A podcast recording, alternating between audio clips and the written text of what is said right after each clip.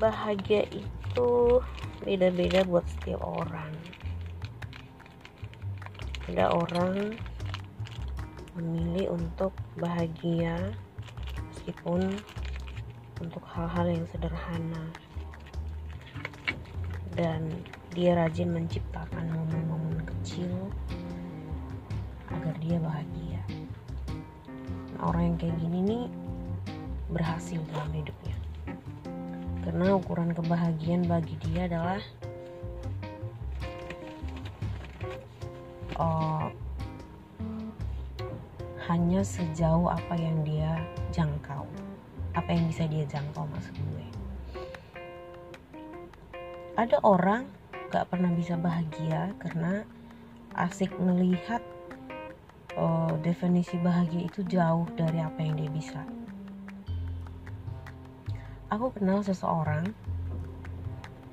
Orangnya sederhana uangnya gak banyak tapi dia selalu berusaha untuk menata kebahagiaannya. Contoh dia punya anak. Dia tahu kalau anak kecil itu harus bahagia. Iya anak kecil itu sebisa mungkin harus bahagia tetapi ada momennya. Uh, artinya bukan setiap detik dalam hidupnya dia harus bahagia enggak. Ada momen dia sedih marah iri cemburu dan juga bahagia. Dengan uangnya yang enggak banyak dia tetap bisa menata agar setiap kali liburan anaknya bisa menikmati kebahagiaan dengan cara sederhana. Sederhana kadang mereka akan pergi nginap ke puncak anak-anaknya naik kuda. Uh, kadang-kadang nanti sekali sebulan pergi ke kolam renang. Renang. Itu kebahagiaan. Terus atau hanya pergi ke mall main time zone. Terus makan di restoran kecil. Terus jajan. Udah. Ya bahagia. Karena sejauh yang dia mampu itulah yang dia bisa jangkau. Uh, di Facebook di Instagram ketika momen liburan tiba banyak sekali teman-teman tetangga saudara yang posting yang lagi di Bangkok lah yang lagi di Singapura lah hmm, jalan-jalan ke Bali nginap di hotel ke Jogja dan lain sebagainya. Tapi orang ini tidak menjadi menderita ketika liburan yang dia miliki itu berbeda kelas dengan orang lain.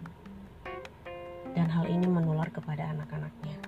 Hanya dengan begitu saja mereka sudah bahagia. Bahkan kadang-kadang oh anak-anak ini tahu jika uang sudah terlalu banyak keluar mereka tahu batasnya gitu. Nggak ada yang namanya merengek lagi lagi main atau beli mainan itu beli mainan itu. Enggak mereka tahu batasnya. Nah ini adalah orang yang bahagia di dalam hidupnya. Apakah segala sesuatu di dalam hidupnya cukup? Cukup yang bikin hidup kita itu cukup adalah kita. Uh, dan aku kenal satu lagi orang lain. Aku nggak ngerti kenapa tetapi uh, orang ini selalu kekurangan. Nah kemudian aku nyeletuk bingung.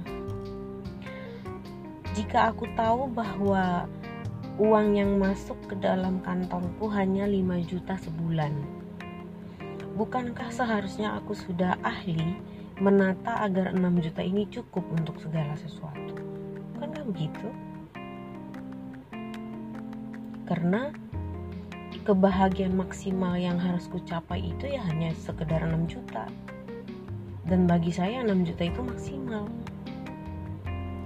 Jadi ketika menerima 6 juta ini eh salah aku tadi nyebut 5 juta ya ya begitulah ketika aku tadi menerima 5 juta sebulan ditata oh untuk uang sekolah anak segini oh untuk belanja rumah segini dan untuk nabung segini jalan-jalan segini nabung untuk uang sekolah anak tahun depan segini. Gitu. Nah kalau misalnya kurang uh, apa namanya untuk hal-hal lain harusnya dikat oh berarti untuk liburan kami hanya bisa sekali dua tahun. Berarti kami harus sering makan di rumah masak di rumah dan mengurangi belanja hal-hal yang gak penting. Nah gitu. Tapi entah kenapa nggak ngerti uh, orang ini bukannya foya-foya enggak. Bukannya pergi ke mana-mana enggak. Tapi heran setiap bulan selalu aja kurang dan selalu berhutang. Nah ini aku nggak ngerti. Nah yang pasti hidupnya nggak bahagia. Sering mengeluh yang pasti sering cari kesempatan untuk ngutang.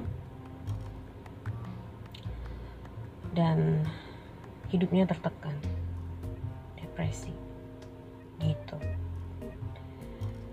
padahal jika dia mampu menata dari awal sebenarnya nggak nggak mesti dari awal dimulai dari sekarang juga boleh sih. Cuman mungkin orangnya nggak mau atau selalu berpikir bahwa wah seandainya uang masukku bisa 7 juta uh, my life must be better. Mungkin gitu. Dan jangan salah itu nggak bener. Karena ketika kita nggak bisa menata 5 juta uang yang masuk 7 juta nggak bisa kita tata juga. Nggak bisa. Itu kenapa ada orang yang disebut sebagai orang-orang yang nggak tahu bersyukur. Atau kata kasarnya itu tidak tahu diri. Ah gajiku hanya 7 juta nih. Seandainya gajiku 10 juta bisa nih udah gaji 10 juta sama aja. Ada aja hal-hal yang kurang gitu. Nah sebaiknya sih ditata dari awal.